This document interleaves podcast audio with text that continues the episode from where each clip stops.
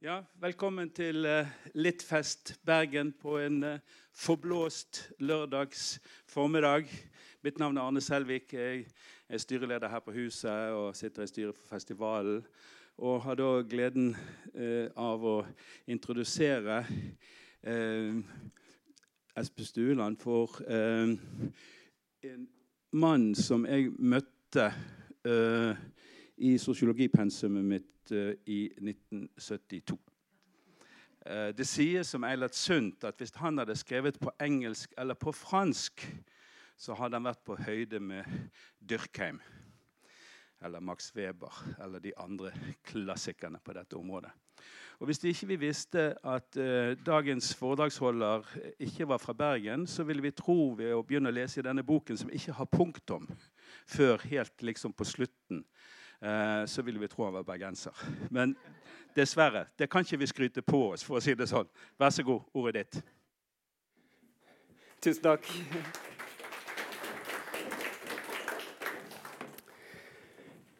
Jeg var student i Bergen på begynnelsen av 90-tallet. og Da var jeg noen ganger og hørte på Georg Johansen. og Han uh, var veldig interessert i å vite hva slags publikum han snakket for. Han var jo en retorisk mester. Så han pleide av og til å sende rundt en uh, liste uh, så alle kunne si hva slags fagtilhørighet uh, de hadde. Og det, det, slår meg at det veldig, ville vært veldig interessant å gjøre med Eilert Sundt-forelesninger også. fordi hver gang jeg har snakket om han, så har det vært veldig mye forskjellig publikum til stede. han skrev jo, og det gjenspeiler jo selvfølgelig mangfoldigheten i forfatterskapet hans. Han skrev om eh, båter, om husbygging, om eh, renslighetsstell, om arbeidsteknikker og veldig mye annet. Fattigdom, sedelighet, moral. Eh, sånn at eh, Når det har vært åpent for spørsmål, så har det gjenspeilt seg i, i diskusjonene som har oppstått. Og det er, det er en fantastisk ting med Eilert Sundt. Jeg vet ikke om det blir tid, eller om det er lagt inn tid til uh, spørsmål her, men uh, hvis ikke det er noen som skal inn uh, her etterpå, så er, så er, det åpent for det. I hvert fall. Ja. Eilert Sundts forfatterskap byr på en variasjonsrikdom som knapt har sin make. De mulige inngangene til å si noe om Sundts analyser av hverdag på midten av 1800-tallet er overveldende mange. Ifølge ham selv hadde han satt seg fore å framstille selve tilstandene kjensgjerningene, det faktiske, kapittel for kapittel. Og med en slik målsetning, hva er mer naturlig enn å ta utgangspunkt i oldtidens greske dikter Homer og hans to epos? Eilert Sundt gjorde i hvert fall det.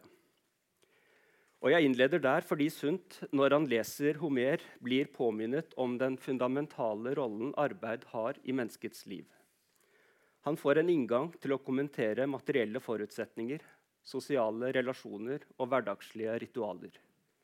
Med andre ord leser han litt sånn som en kulturhistoriker kanskje kunne lest i dag. Det er altså ikke eventyr, det eventyrlige ved Odyssevs Eilert Sundt fester seg ved. Det som gjør Sundt full av heksametrisk begeistring, er beskrivelser av hjem og tilværelsens materielle vilkår. Herregud, så kjedelig, er det sikkert noen som vil tenke da. Men vent og se. En liten gjenoppfrisking av den ytre rammen i Homers Odysseen, muligens noe tegneserieaktig, skal fortjene som en inngang til Eilertsundt. Eposet er oppkalt etter hovedpersonen, så klart, Odyssevs, som er konge av Itaka. Helten fra grekernes krig mot trojanerne i Lille-Asia, i dag tyrkisk område. Ved starten av eposet får vi høre at Odyssevs er forhindret fra å reise hjem. Hjemme venter Penelope, men Odyssevs vikler seg inn i stadig nye eventyr som forpurrer gjensynet. Omveiene skyldes at Odyssevs har fornærma guden Poseidon. Og det er denne skybertaktige skikkelsen Poseidon som hindrer ham i å komme hjem. Selv om Odyssevs beskyttes av andre guder, tar hjemreisen ti år. Og Ifølge verkets indre logikk og mytologiske tenkemåte er Dysevs altså uten skyld i dette. Selv lengter han sårt etter hjemferd og hustru, står det. En annen fortelling i Homers epos er den om Penelope eh, og hva hun gjør mens hun venter på Odyssevs. Hun har som dere sikkert kjenner til, enorm pågang av friere, og de vil ha både henne og halve kongeriket attåt. De har for lengst sluttet å banke på døra. De tar seg til rette, stylter og driver dank i hennes hjem. Fortelleren omtaler dem som en brautende flokk. De tillater seg dette fordi Odyssevs skjebne er uviss. Om han lever eller er død, det vet ingen.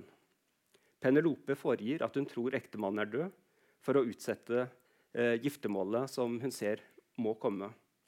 Og hun forteller at hun skal velge ut en av frierne når hun er ferdig med å veve det arbeidet hun holder på med. Hun vever et likskrud til Odyssevs far Lertes. Og hver natt i skjul river, eh, rekker hun opp arbeidet som hun har gjort i løpet av dagen.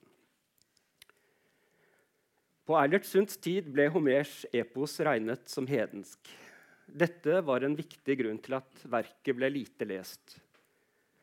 Han var så begeistret at han selv oversatte partier fra Odysseen. På denne tiden var han forsker på oppdrag fra Kirkedepartementet. Han reiste Norge på kryss og tvers og samlet opplysninger om fattigfolks kår og seder. Altså levemåter og hverdag, ekteskap, helse. Han utarbeida statistikker om dødelighet, om sammenhenger mellom ugifte samboerskap og barnefattigdom. Fattigdommen var enorm i hele landet, og spesielt i byene. Mismot og emigrasjon var trusler mot hele samfunnet og en økonomisk byrde for fattigvesenet, som fikk ansvar for stadig flere. Sundt arbeidet i fattigkommisjoner for å finne løsninger, og han samarbeida nært bl.a. med Hans Riddervold eh, i Kirke- og nei, Undervisningsdepartementet. Og han utga skrifter i høyt tempo. Arbeidsmetodene var banebrytende. Hver nye utgivelse gjorde det tydeligere at, uh, bare tydeligere at Sundt bidro til å fornye forskningens metode innhold og form. Også målt etter europeisk målestokk. som du var inne på. Forskerkarrieren skjøt fart da Sundt avslutta teologistudiene etter å ha fått stipend fra Kirkedepartementet for å skrive om fantene. Det var i 1849. I alt 20 år fikk han som forsker på folkets kår og seder. Da han hadde holdt på i ca. ti år, i 1858, fikk han tilbud om å bli redaktør av Folkevennen. Folkeopplysningsselskapets eget tidsskrift. Og Som redaktør så skrev han en serie som han kalte, eh, altså en artikkelserie da, som han kalte 'Arbeidervesen'. Og Det er her han første gang skriver om Homer. Jeg skal ikke si så veldig mye om Sundts eh, skrivestil i denne omgang, men den henger sammen med både hvem han skrev for, og hva han skrev om. Så et par ord om skrivestil må likevel skytes inn. Skrivestilen hans veksler mellom etterleve normer for språkstil, oppbygging og retorikk som var bestemt av institusjonen han var henvendt til, embetsmenn og eliten av folkeopplysere. Til tider er Sunds skrift også så narrativt meddrivende at han nådde lesere langt utover de man kunne anta var hans lesere. Skjønnlitterære forfattere, bl.a. Bjørnson, leste ham for å lære å bevege hjertene og få tilgang til materialet. Sundt var ikke tilknytta universitetet og dermed mindre begrenset av, bestemte faglige tilnærminger. Fagene som vi i dag vil si at han tilhører, de fantes ennå ikke. Iallfall ikke i Norge. I tilnærmingen til studiene av hverdag og arbeid er han til dels historiker og dels noe jeg vil kalle en encyklopedist. Det betyr ikke at han skrev i forlengelsen av uh, opplysningsfilosofene som Diderot. Eksempel. De var jo veldig uh, ugudelige. Men uh, Sunds måte å være encyklopedisk på ligger i at han undersøker enhver tenkelig side ved det hverdagslige. Når han utforsker husflid og bønders og fiskeres kroppsarbeid, så skjer det med en vitenskapelig tilnærming som han selv etablerer normen for siden den ikke forelå på forhånd.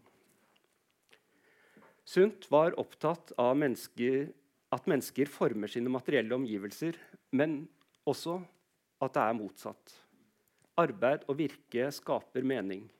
Å studere et redskap er derfor å undersøke mening, og verdi, identitet. Dette er han opptatt av. I tillegg var han opptatt av tilnærmingens ståsted. Skikker og arbeidsmetoder måtte forstås slik folk selv oppfattet hva de holdt på med. Hvert år i nesten 20 år så brukte han store deler av sommerhalvåret på å reise rundt i Norge og oppsøke bønder og fiskere. Bl.a. For, for å høre på dem og beskrive, høre på at de beskrev sin egen hverdag. Han er klar over at utenforstående, som han selv, ikke bare dømmer lavere klasser feil, men også at de dømmer feil med viten og vilje. Dette skriver han om, med Sunds egne ord. Jeg vil gjøre oppmerksom på hvor overmåte lett man kommer til at oppfatte og bedømme allmuens stell uriktig. Så Sunds programtanker springer ut av eh, samtids, eh, samtidens eh, nasjonsbyggertankeganger, men også mange retninger som ikke følger dette skjemaet. Han tar utgangspunkt i alt det som befinner seg nederst i verdisystemet. Det som ikke tillegges verdi, det som ikke har verdi å skrive om eller undersøke med vitenskapelige teser, men som han vil gjøre det. Han vil skrive vitenskapelig om det. Han tillegger også kollektivet den største rollen i utviklingen av selvbevissthet og identitet.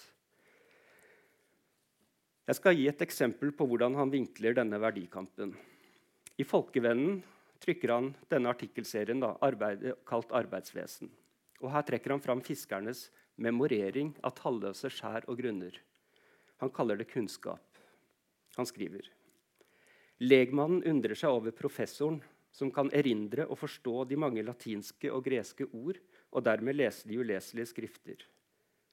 Men professoren skulle igjen undre seg om han la merke til det og forsto det, over den evne at kjenne og have liggende for det indre syn rimeligvis tusentall av losmerker. Sundt snur her opp ned på perspektivet og snur det tilbake mot de som tar for gitt at det som anerkjennes som kunnskap, det er det de vet. Han korrigerer det nedlatende synet på vanlig arbeid som verdiløst og mangel på dannelse. Frekt nok viser han at vitenskapens anerkjennelsesmekanismer også henger sammen med manglende nysgjerrighet på de andre. I forlengelsen av disse motivasjonene så skriver han flere ganger om Homer. I 1865, i serien 'Arbeidsvesen', var turen kommet til en vevstoltype kalt Uppstadgogn. Det er navnet på en opp, opprettstående vevstol. Og her tar Sunds begeistring fullstendig av. Steve, eh, veven skal stamme fra Lilleasia. Slike vevstoler var i bruk bl.a. i Lom, der man vevde åkleder som skulle henge på veggene eh, ved feiring av bryllup. Å lese Homer, skriver han, er som å se grekerne for seg, slik de gikk og sto i leiren, på marken, på skipet, i husene og palassene, f.eks. når dikteren stiller fakaiernes rikdom til skue. Og her skal jeg prøve å lese litt, og jeg beklager eh, at heksameterrytmen ikke sitter så godt som den burde ha gjort. 50 i tallet er ternenes flokk i herskerens kamre. Somme har travelt med å male den gullgule hvete på kvernen. Andre slår veven med flid eller dreier sin ten. Perlene drypper fra fint trådet vev den smidige olja. De som er kaiernes menn står høyt over andre i kunsten skjønnsomt å styre på havet et skip, forstår deres kvinner mesterlig vevningens kunst til Pallas Athene har gitt dem ypperlig kløkt til å veve et tøy av vidunderlig skjønnhet. Sundt fremhever altså et vers som hyller kvinnearbeidet. Kvinner ble ofte hans viktigste informanter når han reiste rundt for å samle materiale til forskningen sin. Og det av helt naturlige grunner. Husarbeid og husflid var kvinnearbeid. Hos Homer merker, merker han seg den poetiske framstillingen av kyndighet og kvalitetsvurdering. At veven er tett, framgår indirekte av at olivenoljen preller av vevstoffet. Homer tar seg tid til å skryte litt av kvinnenes uh, håndverk. Deres kyndighet er på høyde med mennenes ferdighet innen navigasjon. Sundt slo et slag for lesningen av Homer i fascinerende ulike sammenhenger. F.eks. som leder av Kristiania Arbeiderforening. I Morgenbladet i 1869 skriver han at han underholdt forsamlingen i Arbeiderforeningen med høytlesing av Homer. Sitat.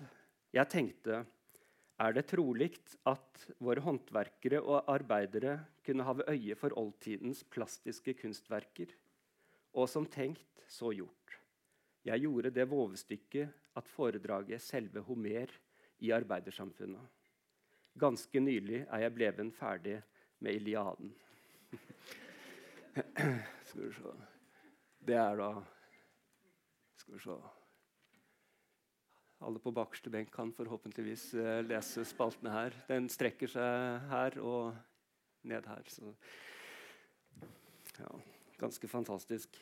Eh, man kan nok trekke litt på smilebåndet av tanken på at han leser Homer for denne forsamlingen. Heksametervers var like fremmede for tilhørerne der som for de fleste i dag. Det kan ha vært småkleint. Men Sundt var en god retoriker som så an sitt publikum. Han hadde evnen til å begeistre. Reaksjonen fra tilhørerne var trolig ikke så ille, for han skriver altså i Morgenbladet Inntil videre tror jeg at forsøket falt hellig ut. jeg er litt usikker. Han gikk for å være en enormt populær leder i denne foreningen. Det skal også sies. Ja. Han var leder der fram til han ble prest eh, på Eidsvoll. Det kan også nevnes at Sundt eh, likte å lese Homer for sin egen familie. En tjenestepike som var ansatt på prestegården på Eidsvoll, forteller om det. Sundt fikk presteembetet der etter at han mistet eh, forskningsmidlene. Tjenestepiken skrev dagbok. Hun skriver at Sundt snakket med større begeistring om den hedenske Homer enn om religiøse spørsmål ved middagen. Hun var forskrekket, men etter hvert som hun vennet seg til at sånn var det der i den familien, så begynte hun også å verdsette Homer. Konservative kristne miljøer var naturligvis mer skeptiske. Det framgår når Sundt adresserer kristenfolkets skepsis.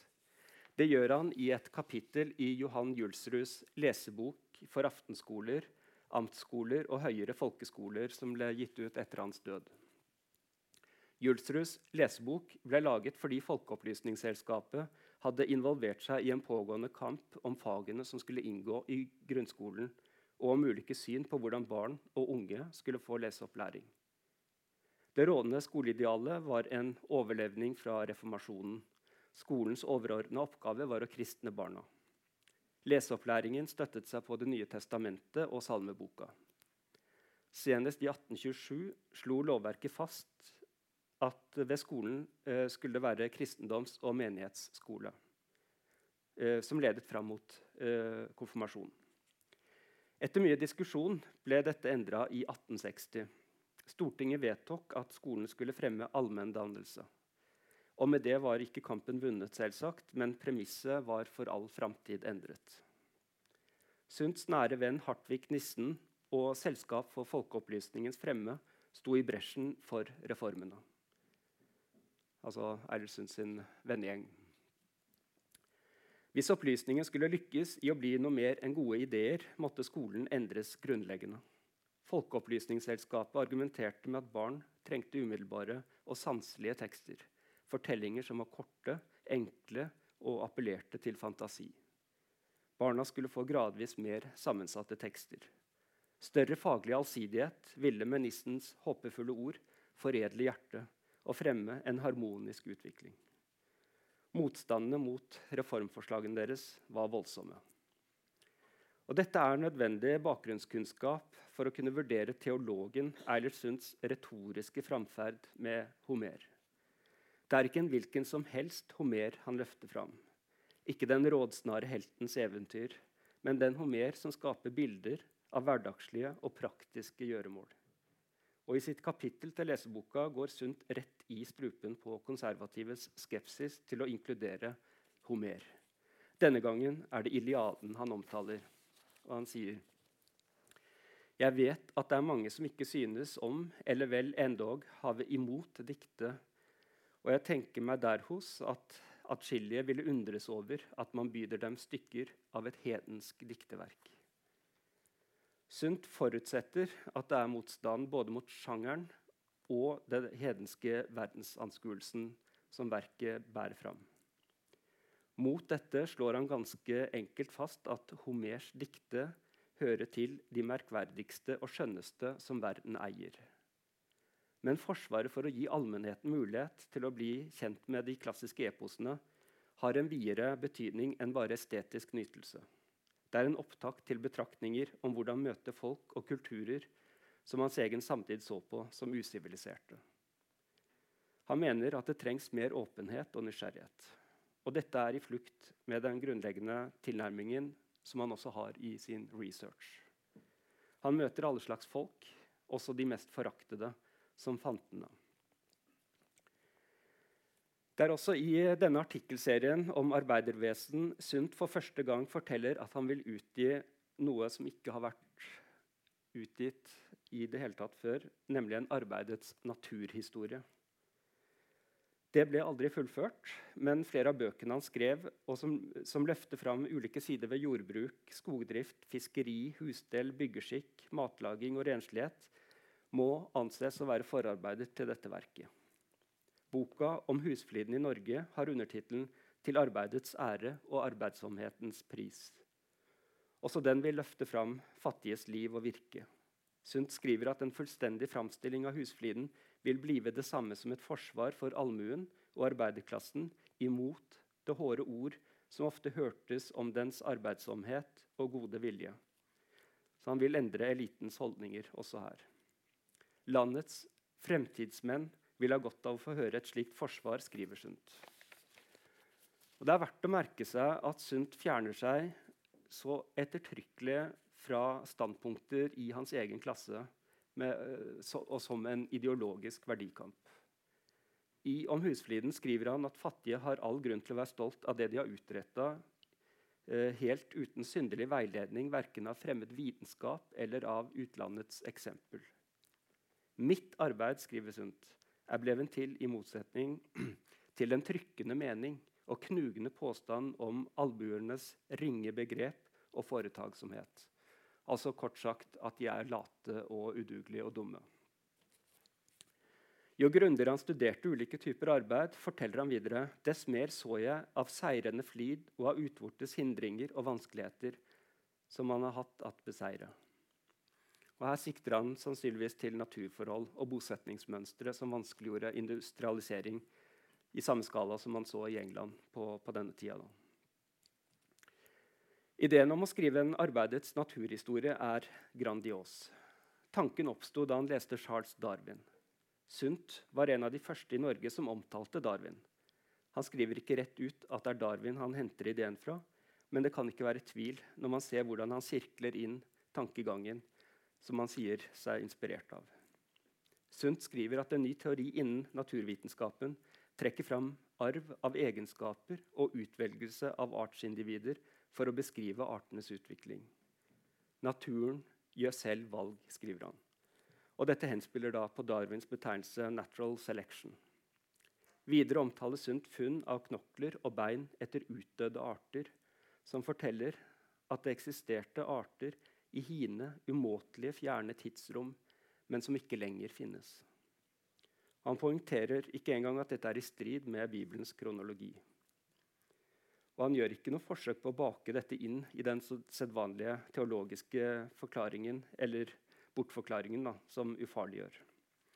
Og Det er et varsel om at også arbeidets naturhistorie vil bli et verk om menneskets kamp for overlevelse på jorden i en sekulær verdensanskuelse. Fra Darwin trekker Sundt fram bl.a. et eh, begrep eh, komparativ anatomi. En metode innen evolusjonsteorien som ble brukt til å sammenligne bein, skjelettdeler og anatomiske strukturer for å studere artenes genealogi. Sundt mener at komparativ anatomi med dens grundighet og vitenskapelige preg måtte kunne brukes til å vise utvikling innen båtbygging. Utviklingen av båtkonstruksjoner har en lang historie, forteller han. Og også redskapene som ble brukt, har gjennomgått utvikling.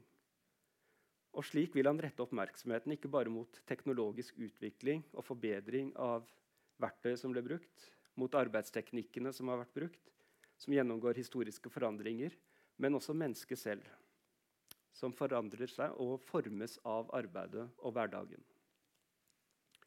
Så Sunds naturhistorie er både en syklopedisk, historisk og antropologisk. Han er visstnok den første som hevdet at Darwins evolusjonsteori kunne ha en overføringsverdi til noe annet enn det det ble brukt på. Han ble tidlig kjent med artenes eh, eh, opprinnelse. Det skjedde under en reise til London sommeren 1862. Han kom dit for å se verdensutstillingen. Artenes opprinnelse ble ansett som en kolossal skandale som utfordret kirke og stat. Verket rev grunnen under Bibelens skapelsesberetning. Selv skriver, selv, selv skriver Sundt at uh, teorien er meget omstridt og vil angivelig ikke om uh, altså han vil angivelig ikke dømme om hvor mye sannhet der monne være i den nye mening. Men han går jo åpenbart god for den likevel. Analogien til Darwins naturhistorie peker mot en substansiell dimensjon ved hverdagen. Det at hverdag ikke er noe som finnes i entall. Hverdag er hverdag fordi det finnes i en uendelig lang serie som umerkelig endrer seg. Unntak fra serien er per definisjon ikke lenger hverdag, men overskridelse. Det er den draumen virkeliggjort, for å tale med Olav H. Hauge. Hverdagens serie derimot består av gjentagelser og forandringer. Et brudd på mønsteret av gjentagelser er en mutasjon et uhell, en ulykke som lemlester kropper eller krever liv. Nye rutiner må på plass. Prøving og feiling i stor skala. Menneskets egen målestokk. Kapittel for kapittel kartla Sundt hvordan nordmenn levde. Hvilke materielle vilkår de levde under, hvordan de organiserte seg og arbeidet i daglige rutiner. Han startet forskerkarrieren med å formulere et mandat i overensstemmelse med Opplysningsprosjektet, og var en klassisk agent som ville spre kunnskap til folket. Så oppdager han at økt dannelsesnivå i første rekke krever at perspektivet vendes 180 grader tilbake mot den som opplyser, mot opplyserne. De vet for lite om folket til at målene om senket fattigdom og flere jobber kan nås. Embetsverket måtte få mer kunnskap om folkets liv og deres daglige praksis. I dette lå en radikal helomvending som kasta Eilert Sundt ut i en verdikamp som han måtte betale dyrt for. Etter 20 år som forsker på, eh, som statsstipendiat stemte flertallet på Stortinget imot fortsatt lønn i 1869. Og den historien får bli til en annen gang. Ja, tusen takk for oppmerksomheten.